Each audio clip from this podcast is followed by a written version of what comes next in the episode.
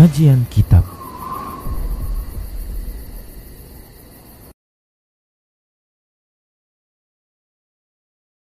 Bismillah, Assalamualaikum warahmatullahi wabarakatuh. Innalhamdalillah Nahmaduhu wa nasta'inuhu wa nasta'gfiruh Wa na'udhu billahi min syururi anfusina Wa min sayyiyati a'malina. Man yahdihillah فلا مضل له ومن يضلله فلا هادي له. وأشهد أن لا إله إلا الله وحده لا شريك له. وأشهد أن محمدا عبده ورسوله صلى الله عليه وسلم. قال الله تبارك وتعالى يا أيها الذين آمنوا اتقوا الله حق تقاته ولا تموتن إلا وأنتم مسلمون. يا أيها الناس اتقوا ربكم الذي خلقكم من نفس واحدة وخلق منها زوجها وبس منهما رجالا كثيرا ونساء. واتقوا الله الذي تساءلون به والأرحام. إن الله كان عليكم رقيبا. يا أيها الذين آمنوا اتقوا الله وقولوا قولا سديدا. يصلح لكم أعمالكم ويغفر لكم ذنوبكم.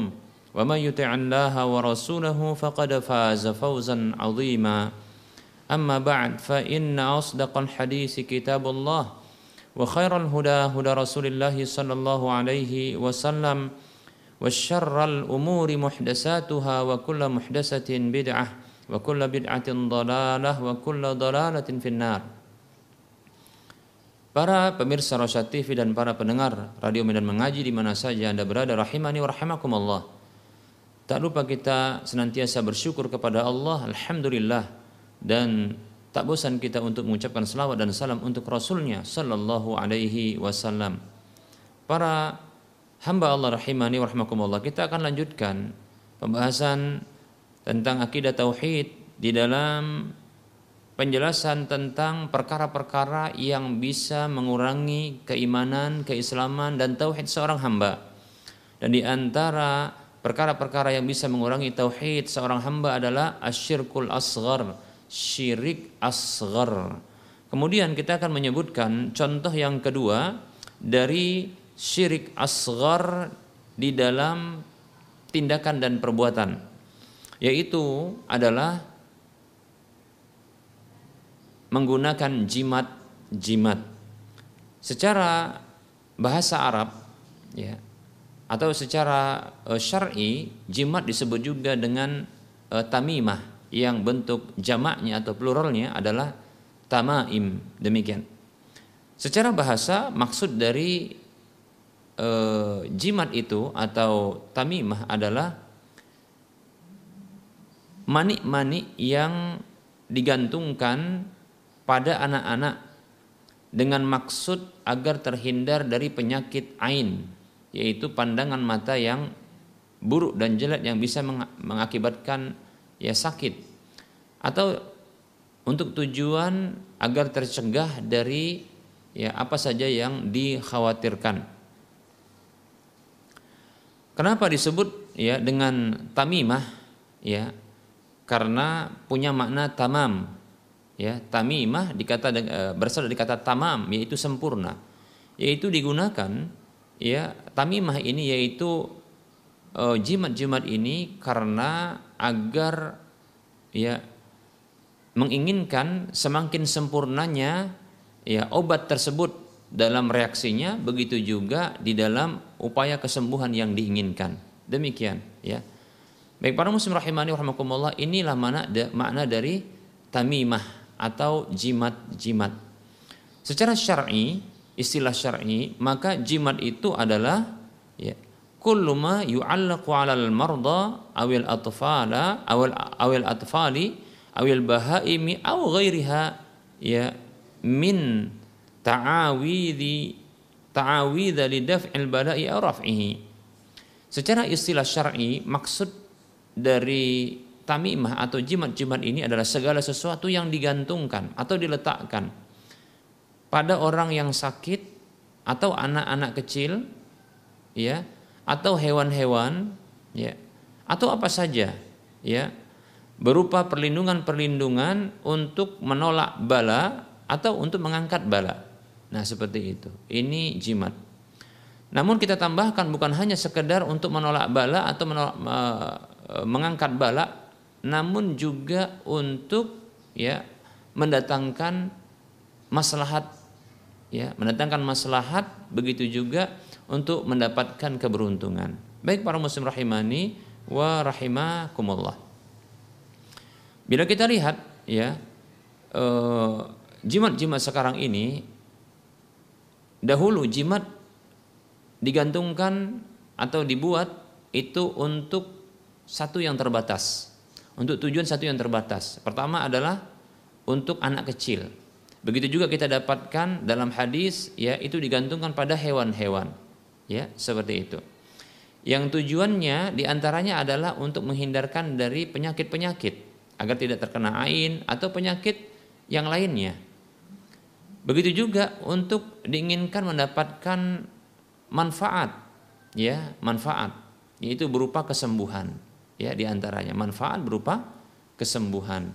Baik para muslim rahimani wa rahimakumullah. Ya. E, maka dari sini ternyata setan luar biasa ya bekerja sama dan berkolaborasi dengan para dukun ya. Ini setan dari kalangan jin ini ternyata membuat ya kreasi-kreasi yang luar biasa di dalam jimat-jimat ini. Ya. Sampai kita dapatkan para muslim rahimani wa rahimakumullah, ya, ternyata jimat jimat ini berkembang, ya, berkembang dan mengalami revolusi yang luar biasa. Ya. Sampai-sampai ya jimat ini ada yang sifatnya dia digantungkan dan dahulu memang asalnya digantungkan, ya. Ada juga yang sampai dia dipajang ya ada yang dipajang kalau digantungkan kita tahu seperti adalah ya bundelan-bundelan yang berisi apa saja seperti contohnya mungkin mani-mani kecil, paku, ya, atau mungkin eh, rajah-rajah yang ditulis, kemudian dilipat, dimasukkan ke dalam bundelan, kemudian di eh, dikalungkan di leher atau dikalungkan di tangan, ya tali-tali yang dikalungkan di tangan seperti itu. Ya, ini juga dikatakan jimat yang digantungkan. Namun bukan hanya digantungkan di di badan, ya, bahkan ada yang sifatnya digantungkan ya di rumah. Ya, di rumah digantungkan.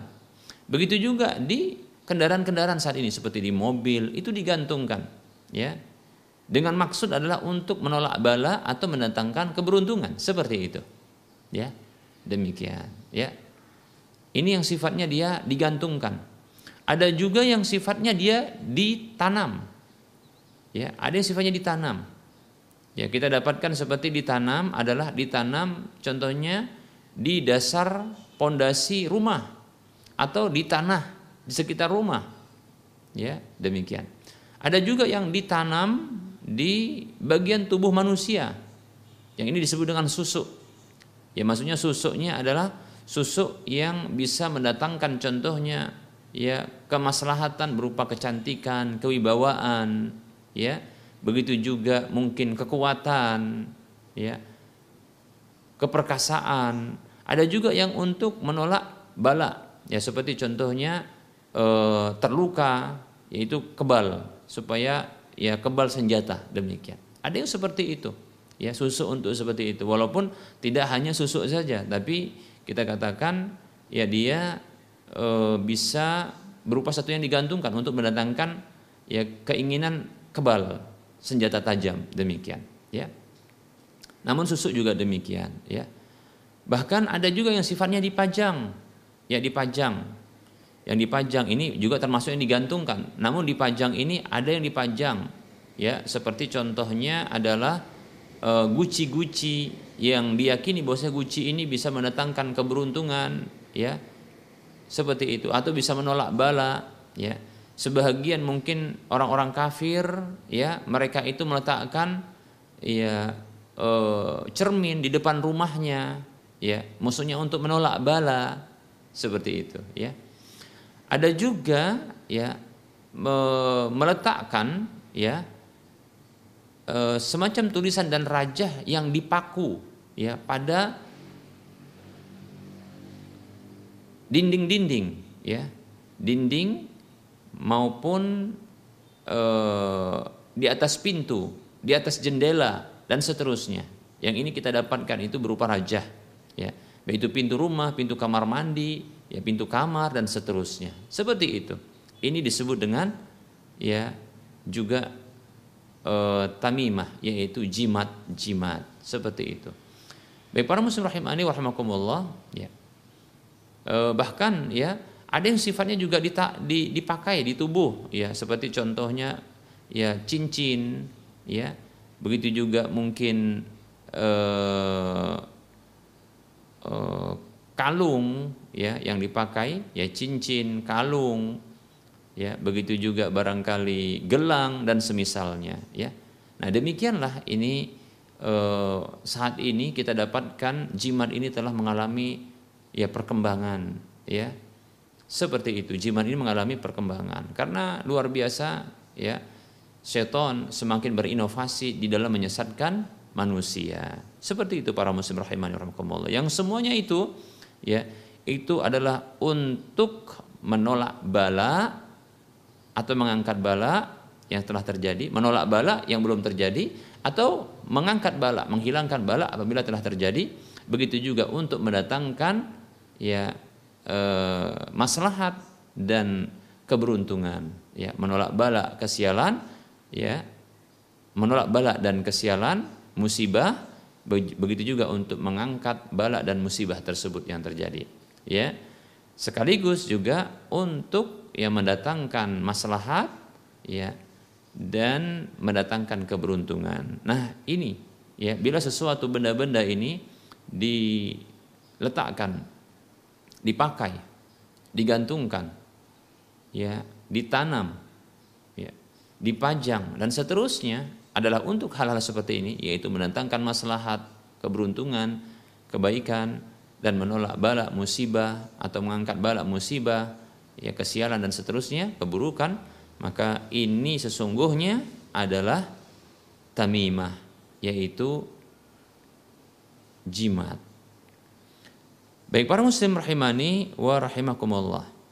Bahkan kita dapatkan sebagian jimat itu juga ya adalah meletakkan sebagian gunting-gunting ya eh, di bawah tempat tidur bayi atau di bawah bantal bayi ya yang katanya ini adalah untuk menghilangkan gangguan jin ini juga termasuk jimat yaitu menjadikan memposisikan gunting atau benda tajam itu sebagai ya alat untuk menolak ya gangguan ya menolak ya kesialan menolak ya kemudaratan menolak e, balak musibah yang akan menimpa si bayi tersebut. Seperti itu para muslim rahimani wa rahimakumullah. Nah ini ya tentunya termasuk jimat ya. Demikian para muslim rahimani warahmatullah baik para muslim rahimani warahmatullah yang seperti ini ya ini adalah tentunya kesyirikan ini kesyirikan kesyirikan para muslim rahimani warahmatullah ya apa pun alasannya apa pun yang digunakannya Ya, apa pun alasannya dan apa pun yang digunakannya. Alasannya untuk mendatangkan maslahat, mudorot, apa? Mendatangkan maslahat, keberkahan, kebaikan, yang menolak balak musibah, demikian. Dan apa saja yang digunakan, termasuk adalah Al-Quran. Ya, Al-Quran, ya, walaupun para ulama berbeda pendapat tentang ya jimat yang terbuat dari Al-Quran, yaitu menuliskan ya Al-Quran dalam sebuah kertas, kemudian dilipat, kemudian dimasukkan ke dalam buntelan lalu dipakai. Atau contohnya menggenggam atau menggantungkan atau membawa Quran kecil. Ya. Yang itu maksudnya adalah untuk menolak balak musibah, ya, kesialan atau untuk mendatangkan keberkahan, keberuntungan. Maka kita katakan ya, walaupun para ulama berbeda pendapat tentang masalah ini, tentang ya dijadikan Al-Quran sebagai jimat, maka pendapat yang kuat walaupun ada yang membolehkan pendapat yang kuat adalah ini perkara yang diharamkan kenapa karena sesungguhnya ini memalingkan ya dari tujuan asal Al-Qur'an diturunkan. Itu Al-Qur'an diturunkan adalah untuk dibaca. Ya. Al-Qur'an diturunkan oleh Allah Subhanahu wa taala adalah sebagai petunjuk bagi manusia. Yaitu petunjuk bagi manusia. Kata Allah Subhanahu wa taala di dalam surah Al-Baqarah ayat 185 Allah mengatakan a'udzu billahi minasyaitonir rajim syahrul ramadan alladzi unzila fihi al-qur'anu hudan lin-nasi wa bayyinatin minal huda wal furqan bulan Ramadan yang diturunkan di dalamnya Al-Qur'an itu Hudan linnas sebagai petunjuk bagi manusia. Wa bayyinatin minal huda wal furqan dan sebagai penjelas-penjelas dari petunjuk tersebut dan sebagai pembeda antara jalan kebenaran dengan jalan kebatilan. Al-Quran ada sebagai pembeda antara jalan kebenaran dan kebatilan. Al-Quran sebagai petunjuk dan tidak akan bisa Al-Quran menjadi petunjuk kecuali dengan cara dibaca. Ini asal diturunkannya Al-Quran, dibaca. Kemudian dipahami maknanya, kemudian diamalkan kandungannya, perintah-perintahnya dikerjakan, larangan-larangannya ditinggalkan, perkara-perkara yang haram dijauhkan, hal-hal yang halal maka silahkan diinteraksikan seperti itu. Ya. Kemudian yang terakhir adalah diajarkan dan didakwahkan. Seperti itu. Para muslim rahimani rahmatullah. Inilah tujuan dari Al-Quran diturunkan. Demikian. Maka ketika Al-Quran tersebut diarahkan untuk sekedar pajangan, sebagai dijadikan sebagai uh, dijadikan sebagai bentuk ya jimat-jimat saja yang nggak dibaca apalagi dibuat dalam bentuk Quran kecil yang mata ini nggak akan bisa membacanya bahkan mata yang sehat tidak akan bisa membacanya dengan benar ya, bagaimana bisa Al-Quran dibaca dengan ukuran yang sangat kecil minim? Ya. Yang ini hanya dijadikan jimat maka ini sesungguhnya melecehkan Al-Quran. Ya melecehkan Al-Quran. Bukankah Allah Subhanahu wa taala ya pernah berfirman di dalam Al-Qur'an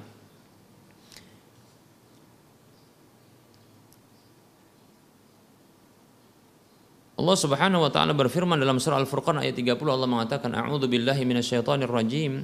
Wa qala ar-rasulu ya rabbi inna qaumi ittakhadhu hadzal qur'ana mahjura. Rasul tersebut yaitu Nabi Muhammad Shallallahu Alaihi Wasallam itu mengatakan, wahai Robku sesungguhnya kaumku menjadikan Quran ini sebagai sesuatu yang ditinggalkan, mahjuro ditinggalkan, tak lagi dijadikan sebagai petunjuk bagi manusia, nggak dibaca isinya, nggak direnungkan, dipahami maknanya, tidak diamalkan kandungannya, perintah-perintahnya tidak dikerjakan, larangan-larangannya tidak diindahkan kemudian juga tidak diajarkan. Maka inilah bentuk apa? Bentuk ya meninggalkan Al-Qur'an. Al-Qur'an itu ditinggalkan, hanya dijadikan sebagai bentuk apa? pajangan, kemudian dijadikan sebagai jimat demikian. Ini merupakan bentuk memalingkan dari fungsi asal. Baik para muslim rahimani warahmatullah, ya. Kita katakan, kita katakan, ya, bentuk melecehkan bentuk melecehkan ya apabila menjadikan pedang ya menjadikan pedang hanya sebagai atau golok menjadikan golok ya ketika golok itu dijadikan sebagai ganjal pintu saja atau contohnya sebagai eh, kita katakan pengganjal dari lemari kita katakan. Pedang yang bersarung begitu ya, ada sarungnya. Kemudian dijadikan hanya sebagai apa? Tongkat saja. Nah, ketika tidak difungsikan ya dengan fungsi yang sesungguhnya, maka itu merupakan bentuk melecehkannya. Begitulah Al-Qur'an yang fungsinya ada sebagai petunjuk bagi manusia. Kemudian dengan cara ya dibaca kemudian dipahami maknanya, kemudian diamalkan isinya, kemudian disebarkan kepada sesama. Yang ini adalah tujuan asal atau fungsi asal dari Al-Quran tersebut diturunkan. Namun dijadikan sebagai pajangan-pajangan, maka ini sesungguhnya bentuk melecehkan Al-Quran tersebut. Oleh karenanya pendapat yang kuat Ketika Al-Quran dijadikan sebagai jimat dan pajangan saja, maka ini adalah diharamkan karena bentuk melecehkan. Demikian para muslim rahimani wa rahimakumullah. Lebih-lebih ternyata apabila ya Al-Quran dijadikan sebagai jimat, sementara orang-orang tidak mengetahui bahwasanya ya e, jimat tersebut adalah jimat Al-Quran. Lantas dengan itu dibolehkan, maka ini akan mendorong orang-orang ya untuk mem, mem, e, menggantungkan jimat ya atau memakai jimat tanpa dia memperdulikan ini dari Al-Qur'an atau tidak dari Al-Qur'an seperti itu. Nah, oleh karenanya ya jimat-jimat itu merupakan bentuk kesyirikan. Itu diharamkan. Nabi kita Muhammad sallallahu alaihi wasallam bersabda ya Innar ruqa wat tamaima wattiwarata syirkun. Sesungguhnya jampi-jampi ya. Dan jimat-jimat itu serta pelet adalah kesyirikan. Demikian para muslim rahimani wa rahimakumullah. Begitu juga ada sabda Nabi SAW yang lainnya, man 'allaqa tamimatan faqad asyraka. Siapa saja menggantungkan jimat-jimat, maka dia telah berbuat syirik. Demikian para muslim rahimahni wa rahimakumullah. Oleh karenanya jimat itu ya merupakan bentuk kesyirikan. Ya. Karena mereka menyangka karena mereka menduga bahwasanya selain Allah tersebut yang berupa jimat itu ya itu bisa memberikan pengaruh bagi kesembuhan ya dan mereka ya menginginkan agar itu bisa menolak ya gangguan menolak penyakit, kemudorotan, menolak kesialan, menolak ya e, bala atau musibah yang akan e, datang demikian atau bisa mengangkatnya. Demikian para muslim rahimani wa rahimakumullah. Ini adalah kesyirikan. Baik para muslim rahimani wa rahimakumullah.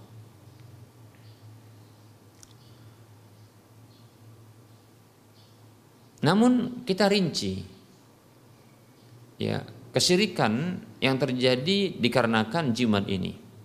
Nah, apabila seseorang yang memakai jimat ini, ya, atau yang menggunakan jimat ini, atau yang memasang jimat ini, atau dia berkeyakinan tentang jimat tersebut, bahwasanya jimat itu bisa mendatangkan kemaslahatan dan kemanfaatan, kemanfaatan, atau bisa menolak kemudaratan, bisa mendatangkan, memberikan manfaat secara sendiri. Begitu juga bisa menolak modorot secara sendiri. Bisa mendatangkan keberuntungan, kebaikan, keberkahan, keberkatan begitu ya. Atau bisa diyakini menolak kemodorotan, keburukan, kesialan, bala musibah yang akan menimpa atau yang telah menimpa. Dengan sendirinya Jimat itu diyakini demikian. Maka ini merupakan bentuk kesyirikan dengan status syirik akbar. Karena menjadikan jimat tersebut sebagai tandingan bagi Allah subhanahu wa ta'ala di dalam hak memberikan manfaat dan menolak kemudaratan. Itu hak Allah subhanahu wa ta'ala. Namun apabila orang yang me, e, memakai jimat, menggunakan jimat, memasang jimat, atau orang yang berkeyakinan tentang tentang jimat tersebut, berkeyakinan tentang jimat tersebut. Ini hanyalah keyakinannya bahwa yang bisa mendatangkan masalah dan madarat adalah Allah Subhanahu wa taala. Yang memberikan manfaat itu adalah Allah Subhanahu wa taala. Yang bisa menolak kemudaratan adalah Allah Subhanahu wa taala semata. Hanya saja hatinya bergantung dengan jimat itu. Kayaknya nggak ada yang lain kecuali jimat ini juga lah yang menjadi perantaranya. Dia bertumpu kepada jimat itu. Ya. Dia bertumpu kepada jimat tersebut. Kepada sebab ini, ya. Namun memang dia meyakini Allah Subhanahu wa taala yang memberikan man, man, manfaat yang bisa mendatangkan kebaikan dan bisa menolak keburukan, kemudaratan, ya. Begitu juga kesialan. Nah, yang seperti ini Walaupun dia berkeyakinan demikian, hanya saja hatinya bergantung dengan jimat tersebut. Hatinya bersandar kepada jimat tersebut, maka ini merupakan syirik asgar. Ini merupakan syirik asgar. Kenapa? Karena dia bersandar bergantung kepada sebab itu. Ya, faktor itu atau sarana itu.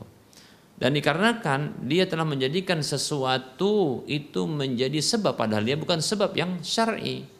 Demikian.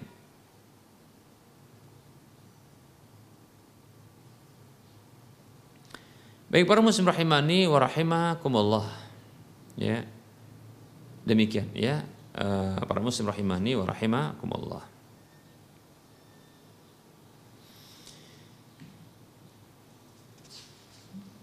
Jadi jelas bahwasanya ya perkara ini adalah perkara kesyirikan. Oleh karenanya jangan kita menggantungkan jimat-jimat dan jangan kita punya keyakinan apa pun tentang jimat ini. Itu hanya benda-benda biasa. Itu hanyalah hal yang tidak memberikan manfaat dan tidak juga bisa memberikan mudorot ya atau menolak mudorot. Allah Subhanahu wa taala adalah zat yang dia yang mendatangkan dia memiliki kemanfaatan dan kemudaratan tersebut dan dia yang mendatangkan kemanfaatan dan menolak kemudaratan. Seperti itu keyakinan kita. Ya adapun ya benda-benda ini maka tidak. Ya demikian. Sampai pun Al-Qur'an. Tadi kita katakan sudah kita jelaskan Al-Qur'an bahkan. Al-Qur'an bahkan ya ini tidak boleh dijadikan sebagai jimat karena ini merupakan bentuk memalingkan Al-Qur'an dari tujuan asal diturunkan. Ya dari fungsi asal diturunkannya Al-Qur'an tersebut. Ya seperti itu. Ya. Kemudian begitu juga ya karena itu merupakan bentuk pelecehan terhadap Al-Qur'an. Ya dan itu ya merupakan e, bentuk ya menipu orang-orang awam atau manusia yang lainnya ya sehingga mereka akan bisa menggantungkan jimat-jimat tanpa memperdulikan yaitu berasal dari Al-Qur'an ataupun tidak tidak dari Al-Qur'an. Demikian ya. Seperti itu para muslim rahimani warahmatullah. Belum lagi contohnya jimat-jimat tersebut akhirnya ya eh, terhinakan ya kalau eh, jimat tersebut berupa Al-Qur'an akan terhinakan. Dalam kondisi seseorang tersebut memakai jimat itu ya dia berhubungan badan dengan pasangan hidupnya atau contohnya ya tertindih oleh badannya atau bahkan terinjak. Naudzubillah min dzalik ini merupakan bentuk penghinaan terhadap Al-Qur'an ya. E, memalingkan fungsi Al-Qur'an saja ya dari empat fungsi yang utama yang itu kembali kepada Al-Qur'an itu sebagai petunjuk Allah Subhanahu wa taala dengan cara dibaca kemudian dengan cara dipahami maknanya, kemudian diamalkan isi kandungannya, kemudian disebarkan, diajarkan, didakwahkan, diajak manusia kepadanya untuk mengamalkannya, untuk membacanya, ya, untuk merenungkan atau memahami maknanya. Kemudian diajarkan pula, baik para muslim rahimani rahimakumullah, bila dipalingkan kepada ya tujuan asal atau fungsi asal ini, maka itu sudah merupakan bentuk pelecehan. Apalagi ya mungkin barangkali ada penghinaan-penghinaan yang akan terjadi ya. Ya dengan Al-Qur'an yang dijadikan sebagai jimat itu ya. Seperti tadi kita katakan bisa jadi dia tertimpa atau terduduki atau contohnya ya terinjak bahkan ya. Atau dalam kondisi berhubungan badan ya memakai e, Al-Qur'an atau jimat Quran tersebut. Yang jelas ini adalah mudorot ya. Wallahu taala Baik para muslim rahimani wa rahimakumullah.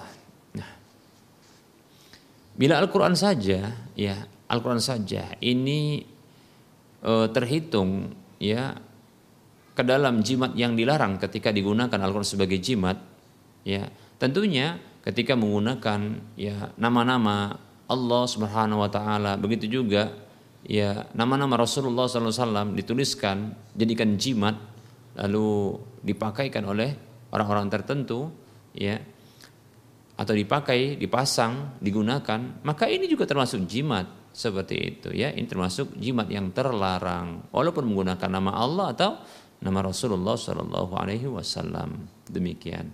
Ya, karena tadi ya ada kebergantungan bukan kepada Allah. Ya. Bergantungnya bukan kepada Allah hati itu. Walaupun diyakini bahwasanya Allah yang bisa mendatangkan ya maslahat, keberkahan, kebaikan, keberuntungan. Begitu juga Allah diyakini yang bisa menolak ya kemudorotan, menolak bala, musibah, ya. Kemudian menolak apa saja apa namanya e, kejelekan, ya.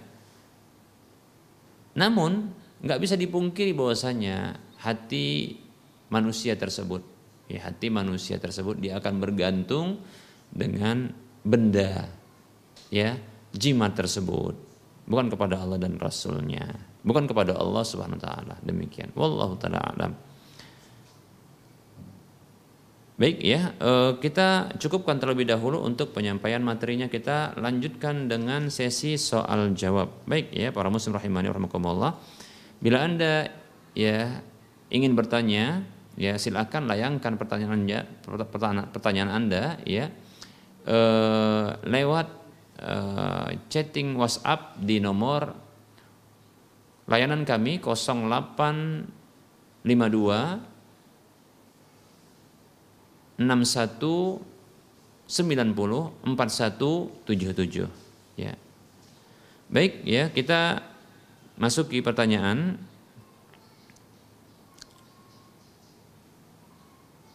Assalamualaikum saya Andi dari Makassar mau tanya apa doa khusus menyembelih hewan berkaki empat atau berkaki dua? Wassalamualaikum.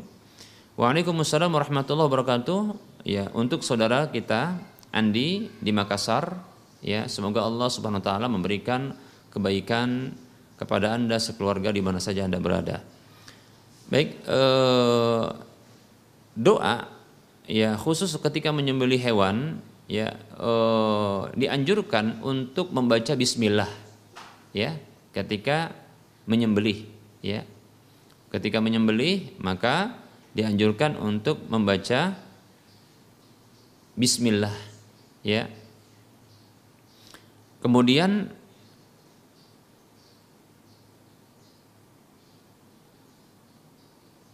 eh, mengucapkan Allahu Akbar ya mengucapkan Allahu akbar. Nah, itu dia. Berdasarkan hadis ya yang dikeluarkan oleh Imam Bukhari dan Muslim dari sahabat Anas bin Malik radhiyallahu anhu yang mengatakan dhahan nabiyyu sallallahu alaihi wasallam bikabshaini amlahaini aqranaini dzabahahuma biyadihi wasamma wa kabbara qala ra'aituhu ya. Wada'a wada' wada'an qada qadamahu ala sifahihima wa yaqulu bismillahi Allahu akbar. Ya. kata Anas bin Malik radhiyallahu anhu Rasulullah sallallahu alaihi wasallam ya e, berkurban atau menyembelih dengan menyembelih dua kambing atau kibas yang gemuk dan bertanduk. Beliau menyembelih keduanya itu dengan tangan beliau dan beliau sama yaitu mengucapkan bismillah wa kabbara dan mengucapkan takbir Allahu akbar. Qala Anas mengatakan aku melihat beliau sallallahu alaihi wasallam meletakkan kaki beliau pada tengkuk ya tengkuk dari hewan tersebut sembari mengatakan bismillahi wallahu akbar. Bismillahi wallahu akbar demikian. Nah, itu yang dibaca ya hadis riwayat Bukhari dan Muslim wallahu taala a'lam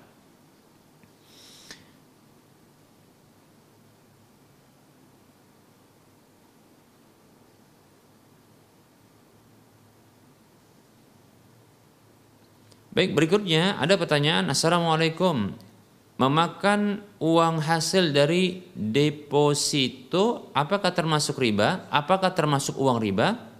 Baik, Waalaikumsalam warahmatullahi wabarakatuh. E, setahu saya makna deposito de, deposito adalah e, menabungkan uang dalam jumlah tertentu, ya menabungkan uang dalam jumlah tertentu, ya dalam jangka waktu tertentu, ya yang akan diambil dalam jangka waktu tertentu yang agak panjang, ya ya seperti mungkin hitungan satu tahun, ya mungkin dua tahun, tiga tahun atau lima tahun atau sepuluh tahun demikian yang akan diambil ya bunganya bunganya ya persentase bunganya itu setiap bulan ya yang boleh diambil ya bunganya demikian. Baik para muslim rahimani rahimakumullah, apakah termasuk riba? Maka kita jawab tentu. Karena sesungguhnya, karena sesungguhnya uang yang kita titipkan, yang kita tabung ya di lembaga-lembaga keuangan maka sesungguhnya dana atau uang tersebut digunakan oleh mereka. Digunakan oleh mereka. Dan dalam tanggung jawab mereka yang akan nanti dikembalikan secara utuh. Ya. Yang akan dikembalikan oleh mereka nantinya secara utuh. Ya. Secara utuh. Lebih-lebih ini deposito ya. Deposito ini jelas dia akan secara utuh akan dikembalikan di waktunya. Ya yang setahu saya tidak boleh ini tidak tidak bisa atau tidak boleh untuk diambil eh, kapan pun yang diinginkan oleh orang orang yang mendepositokan uang tersebut ya tapi ketika sudah berakhir masa yang telah disepakati demikian begitu baik para muslim rahimani wa rahimakumullah ketika digunakan uang tersebut maka berubahlah uang yang dititipkan itu menjadi ya uang yang berstatus hutang, yang berstatus hutang. Ya, berstatus hutang. Karena akan dikembalikan di waktunya dan dijamin ya keamanan serta keutuhannya ketika di waktu yang e, dibutuhkan. Demikian. Nah, ternyata uang yang digunakan ini yang telah menjadi statusnya adalah hutang ini disepakati adanya bunga tambahan. Tambahan bunga. Tambahan yang berupa disebut dengan bunga. Demikian. Sekian persen dari modal yang disimpankan eh, atau di, ditabungkan tersebut yang telah berubah menjadi statusnya hutang. Maka ini masuk ke dalam kategori kaidah yang sering kita sebutkan yaitu kullu qardin jarra naf'an fahuwa wajuhun min wujuhir riba. Setiap hutang piutang yang menarik keuntungan atau menarik manfaat atau menarik tambahan ya yang tentunya disepakati tambahan tersebut maka itu adalah salah satu dari bentuk-bentuk riba yaitu riba al-qard. Riba al-qard yaitu riba hutang piutang riba dalam hutang piutang. Wallahu taala alam.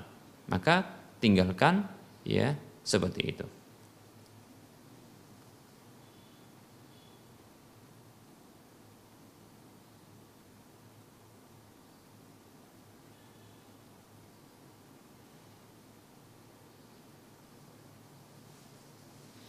Assalamualaikum Ustaz.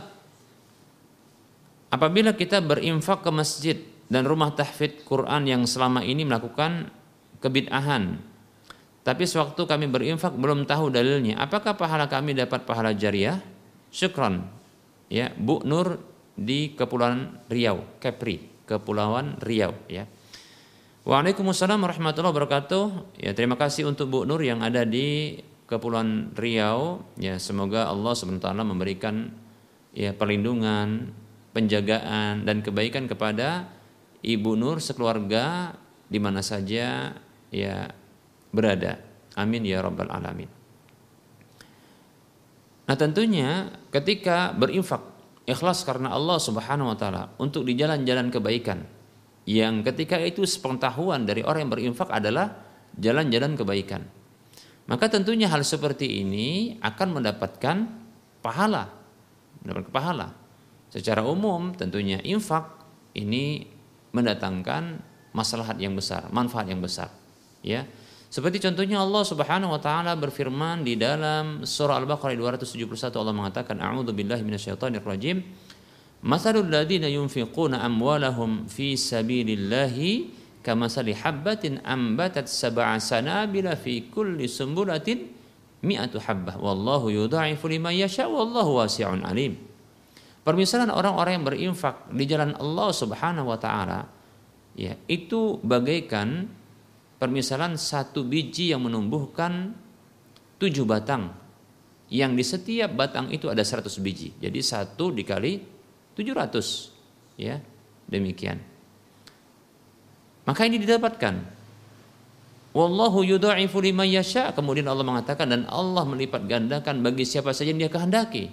Ini tentunya berdasarkan ya keikhlasan dari niat yang semakin ikhlas sehingga Allah tambah atau bisa jadi karena berdasarkan ketepatan dengan petunjuk Nabi Shallallahu Alaihi Wasallam semakin tepat dia. Begitu juga semakin bermanfaat.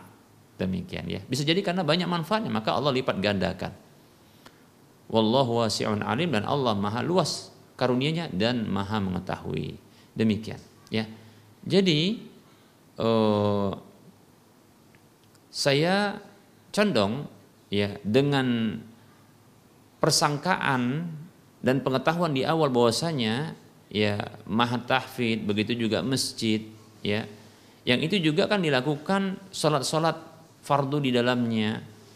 Begitu juga pembacaan Al-Quran contohnya. Walaupun kita tidak pungkiri bahwasanya ya mungkin kaum muslimin pada umumnya melakukan hal-hal yang ini tidak sesuai dengan petunjuk Nabi Shallallahu Alaihi Wasallam. Maka tentunya ada kebaikan-kebaikan yang dilakukan di sana seperti membaca Al-Quran walaupun mungkin ada diiringi dengan hal-hal yang menyimpang kan begitu ya. Karena ada tambahan-tambahan kreasi-kreasi dalam urusan ibadah agama amal ibadah demikian seperti itu. Maka tentunya kebaikan-kebaikan itu terus mengalir sesuai dengan besaran infak yang diberikan sesuai juga dengan niat yang ikhlas sesuai juga dengan ketepatan dengan petunjuk Nabi Shallallahu Alaihi Wasallam insya Allah Taala akan masih mendatangkan kebaikan insya Allah Taala seperti itu, ya.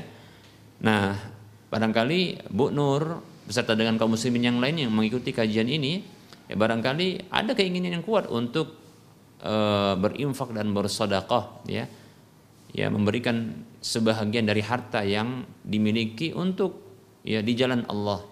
Maka insya Allah taala banyak ya eh, peluang-peluang amal, jariah yang bisa dilakukan. Dan insya Allah taala mungkin dalam waktu yang sangat dekat lagi kita akan mengumumkan kepada kaum muslimin ya di mana saja berada ya lewat uh, televisi Rosa TV ini ya media Rosa TV ini bahwa insya Allah taala di Medan Sumatera Utara ya kita akan membebaskan lahan untuk pembangunan uh, masjid ya yang insya Allah akan menjadi uh, pusat persebaran Islam insya Allah taala yang disebut dengan Islamic Center untuk Medan dan sekitarnya. Seperti itu insya Allah taala. Jadi silahkan bagi kaum muslimin termasuk Bu Nur dan orang-orang yang semisal Bu Nur yang punya semangat yang besar ya untuk mengarahkan hartanya ya, agar menjadi nanti pahala mengalir yang terus eh, eh pahala yang terus mengalir ya. Ketika hidup maupun setelah wafat ya. Pahala yang terus mengalir ya. Nanti insya Allah taala kita akan uh, kita akan uh, launchingkan ya uh, lewat media Rosa TV ini ya. Insya Allah taala. Ini sekedar uh, apa namanya mukaddimah ya.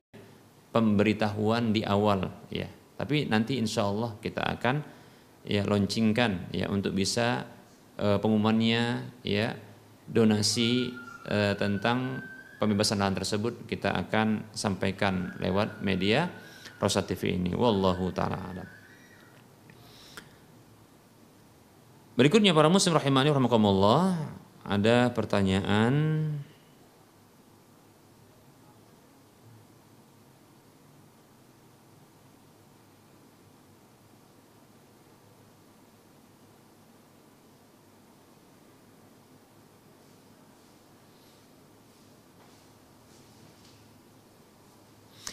Assalamualaikum Ustaz.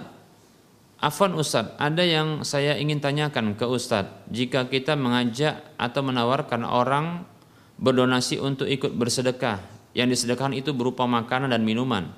Sementara saya sendiri yang membuat makanan dan minuman dan terkadang saya berikan itu kepada pembuat kepada pembuatnya. Ya. E, terkadang saya berikan untuk pembuatannya kepada teman-teman dan saya juga yang mengantar sedekah itu kepada uh, kepada ke panti-panti ya dari uh, sedekah-sedekah dari para donatur tersebut kepada panti-panti. Bagaimanakah hukumnya Ustadz? Baik, ya. Nah, sepertinya ini yang sedang uh, heboh ya yang dibahas di media sosial. Baik, ya. Waalaikumsalam warahmatullahi wabarakatuh. Dalam masalah ini terjadi perbedaan pendapat di kalangan para ulama, ya. Terjadi perbedaan pendapat di kalangan para ulama. Ya jumhur ulama memang melarang hal ini. Jumhur ulama melarang hal ini, ya. Di antaranya adalah ulama-ulama madhab syafi'i, ulama-ulama madhab hambali, ya. Demikian sebagian dari ulama maliki, demikian, ya. Namun ada sebagian ulama yang lain yang membolehkan di antaranya sebagian dari ulama e, Maliki juga yang membolehkan dan kalau tidak e, ulama kalau tidak salah juga ulama madhab Hanafi ya membolehkan ya.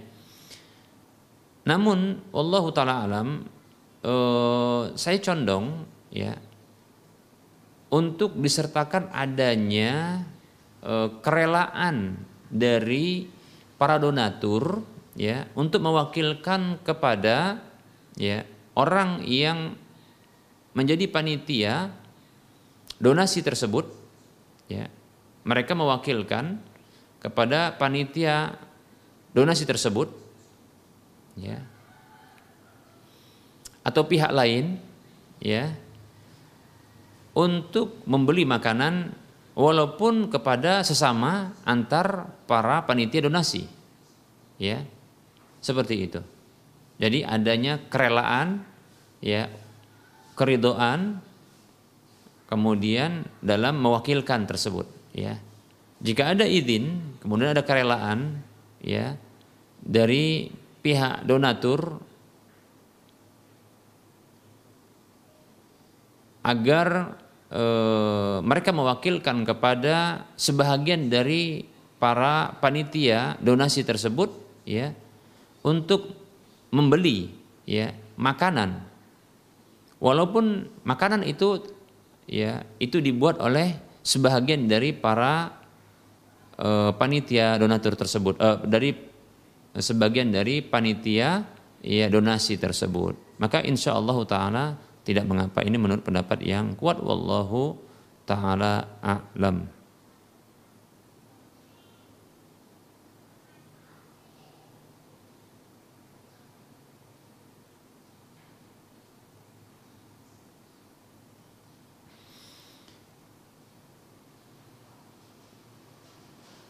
Baik, pertanyaan berikutnya.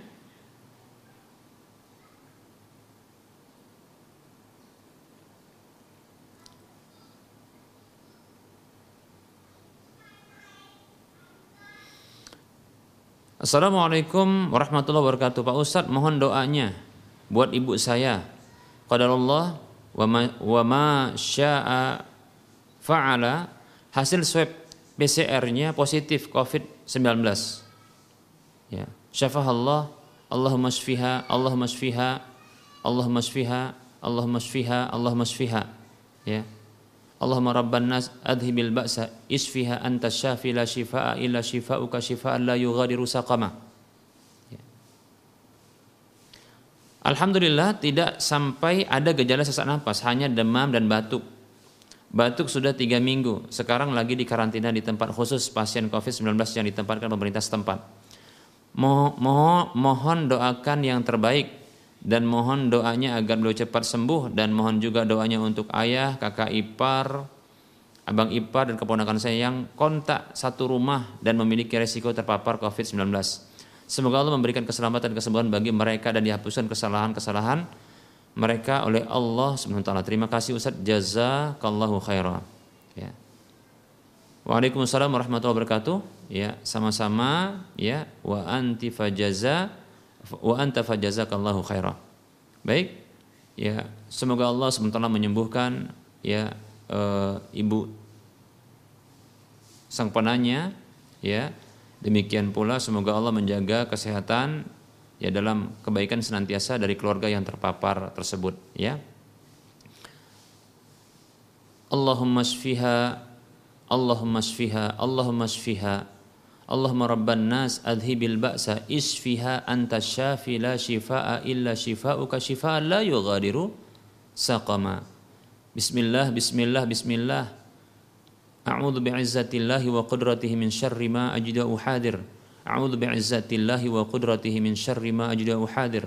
A'udzu bi'izzatillahi wa qudratihi min syarri ma ajidu wa uhadir. A'udzu bi'izzatillahi wa qudratihi min syarri ma ajidu wa uhadir.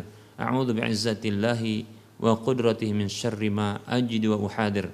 A'udzu bi'izzatillahi wa qudratihi min syarri ma ajidu wa uhadir. A'udzu bi'izzatillahi wa qudratihi min syarri ma ajidu wa uhadir. Ya demikian ya, semoga Allah segera menyembuhkan beliau yang sakit dan kaum muslimin yang lainnya yang sedang mengalami sakit dan menjaga kita semua kaum muslimin senantiasa di atas kebaikan ya di atas perlindungan Allah Subhanahu wa taala. Amin ya rabbal alamin. Ya di mana saja kita berada.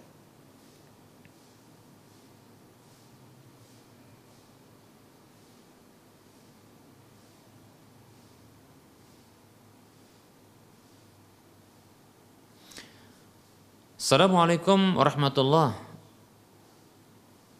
Ustadz, saya mau bertanya, apa hukumnya menjadikan lebah sebagai lauk untuk disantap? Syukran Ustadz.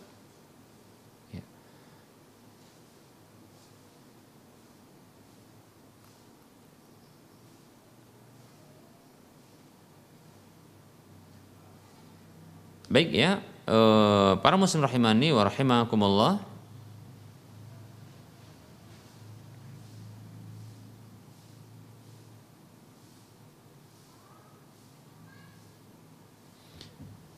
Waalaikumsalam warahmatullahi wabarakatuh.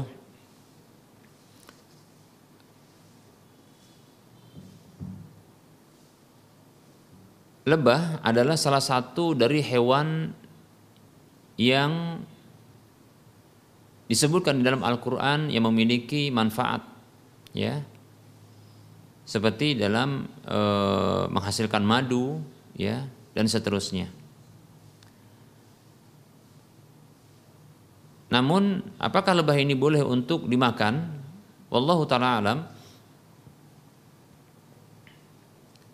Saya condong lebah ini disamakan dengan e, semut ya karena disebutkan lebah ini ya dia salah satu nama dari uh, surat dalam Al-Qur'an yaitu An-Nahl ya. Sebagaimana An-Naml juga dijadikan sebagai nama surat yaitu semut ya. Saya condong disamakan ya dengan semut hukumnya. Nah, semut itu dilarang untuk dibunuh ya Ketika dia tidak memiliki kesalahan, maka tidak boleh dibunuh. Sehingga saya condong kepada sebuah kaidah yang disebutkan oleh para ulama bahwasanya hewan-hewan ini dilarang untuk dibunuh maka haram untuk dikonsumsi. Wallahu taala alam ya. Saya saya saat ini berpendapat demikian ya. Eh, barangkali mungkin bisa jadi ya saya berpindah kepada pendapat yang lain ketika mendapatkan ya bahwa pendapat yang lain tersebut lebih dekat kepada kebenaran. Seperti itu. Saat ini hanya saja saya condong kepada pendapat yang mengatakan bahwa lebah itu disamakan dengan semut ya yang tidak boleh dibunuh sehingga hewan-hewan yang tidak boleh dibunuh itu ya tidak boleh dikonsumsi. Wallahu taala a'lam.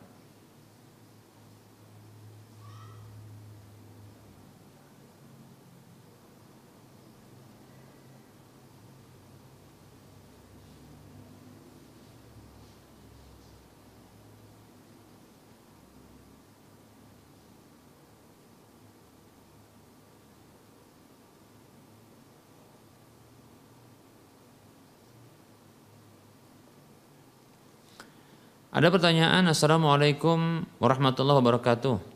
Ustadz kemarin sandal saya hilang di masjid. Sepertinya bukan hilang, tapi pindah tempat ya. Terus terang, eh, terus saya pulang ke rumah tanpa sandal. Setelah saya amati, dua hari setiap waktu sholat, ada sandal yang tidak bertuan, tetap di tempatnya. Dan dengan warna dan merek yang sama dengan sandal saya yang hilang. Jadi saya simpulkan inilah sandal yang tertukar dengan sandal saya. Pertanyaan saya Ustaz, bolehkah sandal itu saya bawa pulang dan saya anggap milik saya? Ataukah itu masih tetap milik orang, milik orang dan sandal kita anggap hilang? Waalaikumsalam warahmatullahi wabarakatuh. Jika memang punya prasangka bahwa ya sandal yang dilihat itu adalah sandal yang sangat mirip dengan sandal yang e, milik kita yang tidak lagi berada di tempatnya. Dan bahwasanya sandal tersebut adalah sandal yang tertukar. Ya. Sandal yang tertukar dengan sandal kita. Jadi pemiliknya mungkin karena sama ya kemiripannya sehingga menganggap itu sandal sandal miliknya padahal itu sandal kita yang mirip dengan sandal dia. Jika kita du, e, menduga dengan dugaan kuat seperti itu, ya maka Allah taala alam saya condong boleh untuk menggunakan sandal tersebut. Jika kita mengetahui bahwasanya itu bukan sandal kita, tapi saya condong boleh untuk ya menggunakan sandal tersebut sebagai bentuk kompensasi dari ya dari e, penggunaan sandal kita oleh sandal e, penggunaan sandal kita olehnya maka kita juga ya e, sebagai bentuk ya e, kompensasinya kita menggunakan sandal dia. Nah, seperti itu. Ya. Bukan untuk membalas tapi adalah e, sebagai bentuk e, kompensasinya. Namun perlu kita yakini bahwa sandal itu bukan milik kita. Sehingga nanti ketika datang pemiliknya sembari e, dia menunjukkan bukti bahwasanya itu adalah sandalnya, maka dia lebih berhak terhadap ya sandal tersebut ketimbang kita. Ya. Tentunya pemilik dari barang itu lebih berhak terhadap barang tersebut, ya. Demikian, ya. Wallahu taala alam. Namun perkara yang boleh ini tentunya e, bukanlah satu yang afdol. Karena tentunya ada satu yang afdol. Yang afdol adalah ya berhati-hati, yaitu tidak mengambil barang barang tersebut, sandal tersebut, ya. Berhati-hati untuk tidak mengambil barang tersebut. Yang bisa jadi itu adalah merupakan bentuk e, merupakan barang orang lain. Yang dia juga sedang mencarinya. Seperti itu. Maka atau itu bisa jadi adalah milik masjid ya yang tidak boleh dibawa pulang. Seperti itu ya. Maka sebagai bentuk kehati-hatian dan ini adalah lebih afdol lebih utama ya maka silakan untuk menempuh hal ini yaitu tidak membawa pulang atau tidak menggunakan sandal tersebut kecuali hanya sekitar e, di sekitar masjid saja ya. Nah, kalaupun seandainya tidak menggunakan sama sekali ya bahkan membeli sandal baru atau menggunakan sandal yang di rumah yang ada tanpa harus menggunakan sandal orang lain karena sesungguhnya itu bukan sandal kita maka ini yang merupakan bentuk kewaraan ya bentuk kewaraan itu bentuk kehati-hatian yang dipuji yang terpuji. Insyaallah taala wallahu taala a'lam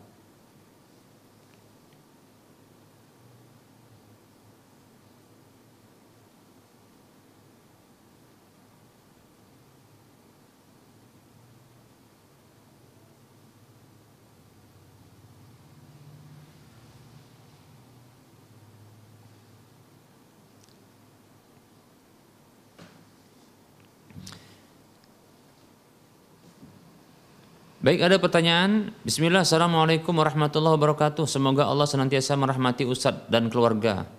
Saya ingin bertanya Ustadz, teman saya ingin menjual uang kuno miliknya dengan harga bahkan lebih dari 100, 10 eh, kali lipat dari nominal uangnya. Pertanyaannya apakah diperbolehkan Ustadz? Mohon penjelasannya. Jazakallahu khairan. Waalaikumsalam warahmatullahi wabarakatuh ya. Uh, hal seperti ini ya bila uang tersebut tidak uh, sedang digunakan atau tidak uh, lagi berlaku ya maka hal seperti ini tidak termasuk riba. Ya uang tersebut tidak termasuk riba karena tidak lagi berlaku. Uang kuno demikian. Namun hal seperti ini ya bukan termasuk riba hanya saja termasuk kesia-siaan. Ya kesia-siaan yaitu menjual barang yang sesungguhnya tidak bermanfaat hanya saja hanya untuk sebagai koleksi saja dan bangga-banggaan maka ini merupakan menjual sesuatu yang sesungguhnya sia-sia karena tidak bermanfaat. Ya, ya hanya koleksi dan koleksi itulah fungsinya bukan untuk urusan e, contohnya adalah bukan untuk urusan e, keilmuan seperti contohnya untuk e, museum ya museum uang ya yang untuk mengetahui jenis uh, uang-uang telah berlaku di zaman dulu kan begitu. Namun hanya untuk koleksi dan untuk kebanggaan. Ya hanya untuk bangga-banggaan. Maka ini merupakan bentuk yang terlarang bangga-banggaan. Apalagi yang menghabiskan uang di sana. Ini bentuk tabdir. Ya. Wala tubadir tabdira innal mubadzirina kanu ikhwana syayatin. Sesungguhnya eh, jangan akan berbuat mubadir karena sesungguhnya orang-orang yang berbuat mubadir itu adalah saudara syaitan. Demikian uh, kalau sampai jatuh kepada ya uh, sarana untuk menjadikan koin-koin yang lama ini atau uang-uang yang kuno ini sebagai jimat keberuntungan maka ini menjadi syirik ya. Syirik minimal adalah syirik asghar namun bisa menjadi syirik akbar bila diyakini keberuntungan itu datang dari uang tersebut uang kuno tersebut. Wallahu taala a'lam semoga bermanfaat Baik kita cukupkan mudah-mudahan bermanfaat. Mohon maaf atas segala kekurangan dan kesalahan. Yang benar itu datangnya dari Allah Subhanahu wa taala, yang salah itu datangnya dari saya pribadi dan bisikan syaitan. Kebenaran maka ambillah, adapun kesalahan, kekurangan dan keluran maka tinggalkanlah. Kepada Allah saya mohon ampun kepada para pemirsa dan para pendengar sekalian saya mohon maaf. Wassalamualaikum warahmatullahi wabarakatuh. Subhanakallahumma bihamdika asyhadu an la ilaha illa anta astaghfiruka wa atubu ilaika walhamdulillahi rabbil alamin. Wassalamu alaikum warahmatullahi wabarakatuh